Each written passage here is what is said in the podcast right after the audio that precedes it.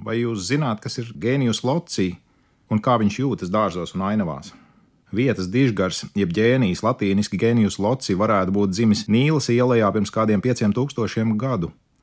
Senajā Romā katrs cilvēks piedzimstot ieguva savu aizbildniecības ģēniju, kurš gādāja par viņa likteni mūža garumā. Ģēnijam veidoja mājas altārus un viņu gleznoja uz sienām kā vīru ar spārniem.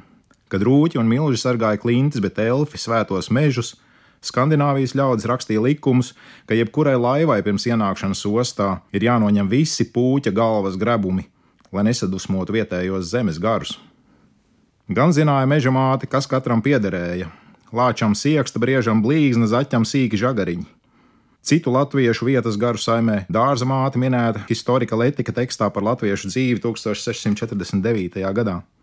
Viduslaikos mitoloģiskie zvēri, kuri pirms kristietības sargāja svētvietas, biežāk kļuva par dēmoniem, lieliem pūķiem, kas šņāca elles uguns un apsargāja dārgumus, bet kristīgie bruņinieki devās tos pievārēt. Cilvēki no zemes gariem sāka baidīties, līdz pamazām pilsētas dzīve viņiem palīdzēja atbrīvoties no dabas pasaules terora. 17. gadsimtā iekārsa strīdi, vai vietas garu genijus locī var mākslīgi izveidot, vai arī tas nemaināms un raksturīgs dzīvo katrā no vietām. Ainavu dārznieki labprāt turējās pie dzinieka Aleksandra Paupa ieteikuma, un es šo dzēju mēģināju iztulkot. Lūdzu, padomu šīs vietas ģēnijam it visā. Tas ūdeņiem liek celties, gāzties liektiem dziļā lejā, gan milzkalnus ar debesu plašumiem tas ļauj mums samērot, gan cieši skautas skatuves ļauj dziļās ielējās no augšas apbrīnot. Turpretim arhitekts Viljams Čembers, cildinādams Ķīnas dārznieku ieskatus, uzstāja, ka Anglijā dārzos ir jāvalda nepārtrauktām intrigām, un aiz līkumotu celiņu katra pagrieziena prāts ir jāpārsteidz ar patīkamo vai ar briesmīgo. Bet britu intelektuāļi viņu asi kritizēja par svešās zemes valdnieka Gēnijus Loci cildināšanu. Taču Gadsimtu vēlāk vecās Eiropas dārznieki jau bija cieši savijuši angļu ainavu dārzus ar modē nākušajām eksotisku krāšņu augu taisnām joslām līdzās noslēpumainiem Japāņu dārzu ornamentu brīnumiem.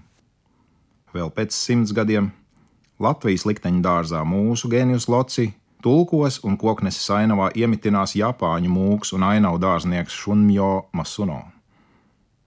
Taču tobrīd, 1898. gadā, Nomātajās barona pļavās Latvijas zemnieks Pēters Zelmanis visus savus mūža spēkus un senču darba tikumu veltīja senajam arāja sapnim, savus kaktiņus, savus stūrītis zemes Jāņa Purapuķis stāstā. Šveiciešu fitosociologs Brauns Blankē izcēla to, ka starp augiem taču ir tādas pašas attiecības kā starp cilvēkiem, un 20. gadsimta dārzos vietas ģēnijas iesoļoja tautas tērpā. Ir jāatrod dārziem mūsu vācu stils kam dizains būtu aizgūts no Vācijas ainavām, tā 1900. gadā teica Villijs Lange. Bet Viljams Robinsons meklē īsto angļu dārzu. Andrē Verā un citi meklē īsteno franču dārzu, amerikāņi tiecās pēc dārziem, kas būtu brīvi no vecās Eiropas iespaida. Internacionālās revolūcijas vārdā sieviešu tiesību aizstāvis sufrāžistes uzbruka Britu impērijas interesēm. Londonas botāniskajā dārzā viņas aizdedzināja augumā, sadauzīja un izsvaidīja orhidejas, un no impērijas zemēm atvestās palmas. Tā pašā laikā Britu Palestīnas zemēs tika veidots Bībeles ainavas rezervāts Neotkdumim, kur vietas gars iemieso Bībeles vērtību panorāmu un spēku. Un tajā pašā laikā Edvards Virzes straumēna dārzos saimē pusdienas atpūta bija kā dieva atpūta pēc pasaules radīšanas, ik pavasarī, ik gadu no jauna un mūžīgi.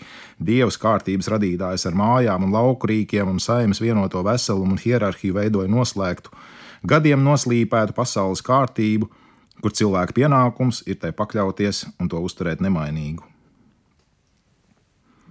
Zviedru nacionālā ainava 20. gadsimta sākumā aprakstīta kā vētrā bangojoši viļņi, kas sitas pret varanām klintīm, kā skarbi sniegiem klāti kalnu gali. Taču gadsimta vidū Zviedru nacionālā ainava mainījās uz ziedošu puķu pļauju, jo īstenos zviedrus nu vienoja došanās atvaļinājumā īsajā Skandināvijas vasarā no laimīgās bērnības prātā palikušajās pļavās.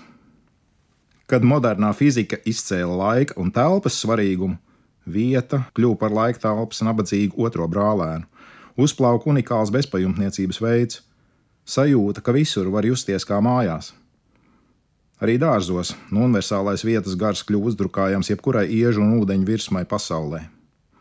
Jaunajā tūkstošgadē Rīgā tam sīvi stājās pretī dzirnavu guļbūvas lido pagalms un tā līdzinieki, latviskās lauku gara ainas gleznojot pilsētas bruģa rāmīšos.